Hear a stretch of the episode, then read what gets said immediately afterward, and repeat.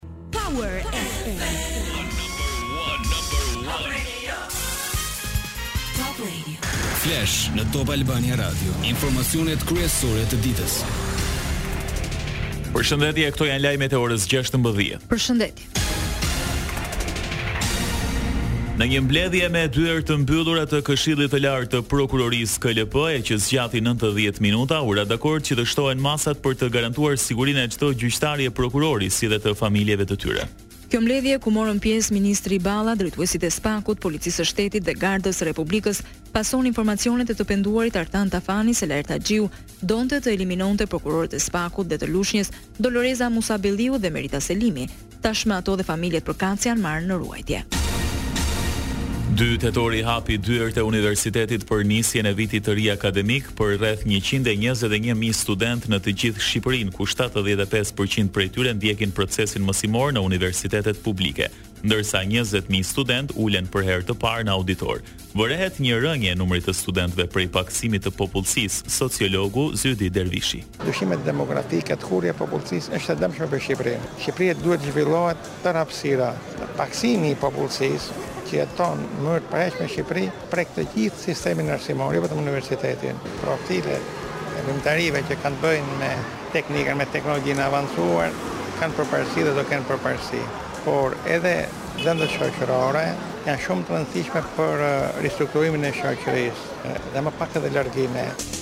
Tirana është ende e para që ka numrin më të madh të studentëve, të cilët vijnë edhe nga rrethet. Ndryshimet e kërkesës së tregut kanë ulur numrin e studentëve në filozofi dhe kimi. Për t'ardhur keq dega filozofisë, burimi i dijes, domethënë, të ngelet me katër studentë. Po a kemi sociologë, a kemi hulumtime shkencore, a kemi punime shkencore, a kemi investim tek shkenca? Jo. Atëherë, një student i filozofisë, ku do ta gjejë frymëzimin, motivimin për të depërtuar në një degë e cila rrezikon të mbetet i papunë?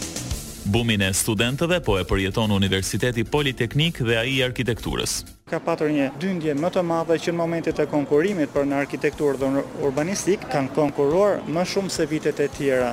Në qoftë se ka patur në rangun e treqind apo treqind e njëzet të viteve të tjera, këtu ka qenë gati katërqind për këtë vit. Po ama numri ka qenë i kufizuar se kuotat kanë qenë të përcaktuara sepse të tilla ishin nevojat. Po ama dëshira ishte e madhe dhe në rritje. Tetëdhjetë vende për arkitekturën, pesëdhjetë për urbanistikën, pastaj ka dhe njëzet e pesë për dizajnin.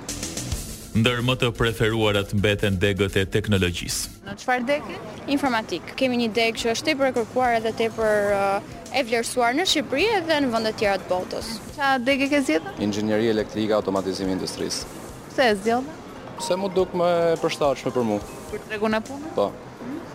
Po këto degët që rrezikojnë të mbyllen, për shembull, degët e mësuesisë dhe shkencave sociale, shkencave politike. Thjesht mendoj se me shku për atë degë nuk ke të ardhme, e kupto. Se mësuesia nuk më duket shumë se të jep një të ardhme më të mirë. Dy avionë Canadair CL katërqind e pesëmbëdhjetë po punojnë për shuarjen e flakëve në vatrën e zjarrit në Darzezë të Fierit. Lajmin e ka bërë të ditur ministri i Mbrojtjes Niko Peleshi. Presim që shumë shpejt, bashkë me punën nga terreni të njëzet efektivëve të MZSH-së Fier, dyzet forcave të Forcave të Armatosura dhe mjeteve të përfshira në këtë aksion, vatrat të izolohen tërësisht, thotë Peleshi. Në kuadër të Mekanizmit Europian të Mbrojtjes Civile, menjëherë Greqia iu përgjigj kërkesës së Agjencisë së Mbrojtjes Civile me një avion Canadair për ndërhyrje nga ajri në vatrat e zjarrit në Pishporo dhe Darzezë në Fier. Flakët në pyllin e Darzezës u përhapën të favorizuar dhe nga era e fortë, në terren u angazhuan me dhjetëra forca për shuarjen e flakëve. Kryeministri Edi Rama po zhvillon një vizitë të nivelit të lartë në Kroaci. Kreu i qeverisë u prit me ceremoni zyrtare nga homologu Andrej Plenković. Në fokus të diskutimeve ishte forcimi i bashkëpunimit ekonomik, por jo vetëm, mes dy vendeve. Marrëveshja e parë e firmosur është për njohjen e kontributeve të pensioneve mes shtetasve të dy vendeve. Janë rreth tre mijë shtetas shqiptarë që punojnë në Kroaci dhe përfitojnë pagesa të papunësisë, të barrëlindjes në rastin e aksidenteve në punë e të tjerë. Lajme nga rajoni. Kryeministri i Kosovës Albin Kurti ka ritheksuar qëndrimin e shprehur dje nga ministri Sveçla se sulmi terrorist i Banjskës më 24 shtator ishte plan për aneksimin e veriut. Në një postim shkruan, bazuar në dokumentacionin e konfiskuar, Policia e Kosovës ka konfirmuar se sulmi terrorist ishte pjesë e një plani më të madh për të aneksuar veriun e Kosovës përmes një sulmi të koordinuar në tridhjetë e shtatë pozicione. Krijimi i një korridori për në Serbi do të vinte më pas për të mundësuar furnizimin me armë e trupa. Por Beogradi i mohon akuzat e Prishtinës. Shefi i Shtabit të Përgjithshëm të Ushtrisë Serbe, Milan Mojsiloviq, i hodhi poshtë deklaratat e autoriteteve të Kosovës se përmes sulmit në Banjskë, Serbia ka synuar aneksimin e veriut. Ushtria serbe është një organizatë serioze e fortë që nuk toleron gënjeshtra, tha Mojsiloviq në një konferencë për gazetarët në Beograd. I mohoj të gjitha akuzat e bëra nga Prishtina, theksoi ai. Zëdhënësi i Bashkimit Europian Peter Stano deklaroi sot se Policia e Kosovës ka mandat për të hetuar sulmet që janë bërë në Banjskë të Zveçanit më njëzet e katër shtator, ndërsa Serbia e ka obligim të bashkëpunojë pa kushte. Ai i bëri këto deklarata teksa është pyetur për dëshmitë e fundit të publikuara nga autoritetet e Kosovës lidhur me këtë sulm. Shtano përsëriti se BE-ja është në pritje të rezultateve të plota të hetimeve dhe në bazë të tyre të marrin vendime, përfshirë edhe ndonjë masë të mundshme ndaj Serbisë. I pyetur rreth përgjegjësisë që ka marrë ish-nënkryetari i Listës Serbe Milan Radoçiç për sulmin dhe a do të ndihmojë BE-ja që ai të ekstradohet në Kosovë, Peter Stano tha se blloku evropian pret bashkëpunim të plotë, transparent dhe pa kushte nga Serbia. Zëdhënësi i Bashkimit Evropian theksoi se vetëm në këtë mënyrë do të sqarohet se kush e ka përgatitur sulmin terrorist, si dhe kush qëndron pas tij. Lajme nga bota.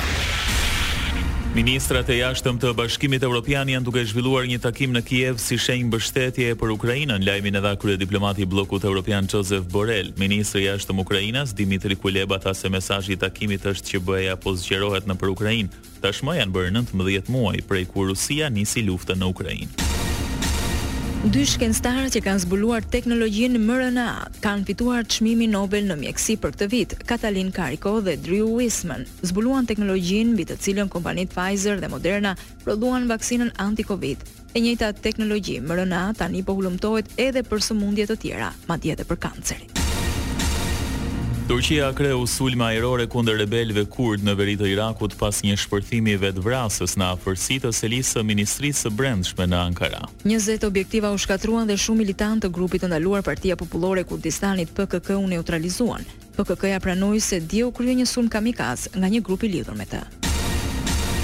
Shembet kulmi i një kishe në Meksikë, nëntë viktima e njëzet të plagosur. Ngjarja ndodhi në Santa Cruz, gjatë një meshe ku të pranishëm ishin rreth njëqind persona pjesëmarrës në një ceremoni pagëzimi. Ekipet e kërkim-shpëtimit vijojnë punën nën rrënoja. Nën to gjenden edhe shumë fëmijë. Ipeshkvi i dioqezës së Tampikosit e përshkroi situatën si të vështirë, Ndërsa iu lut Zotit për ndihmë.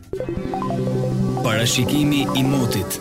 Edhe në vijim vendi ynë do të jetë në ndikimin e kushteve atmosferike të qëndrueshme për shkak të masave ajrore relativisht të thata me origjinë veriperëndimore. Moti parashikohet i kthjellët e me vranësira të pakta kalimtare. Temperaturat variojnë nga trembëdhjetë në tridhjetë e dy gradë Celsius.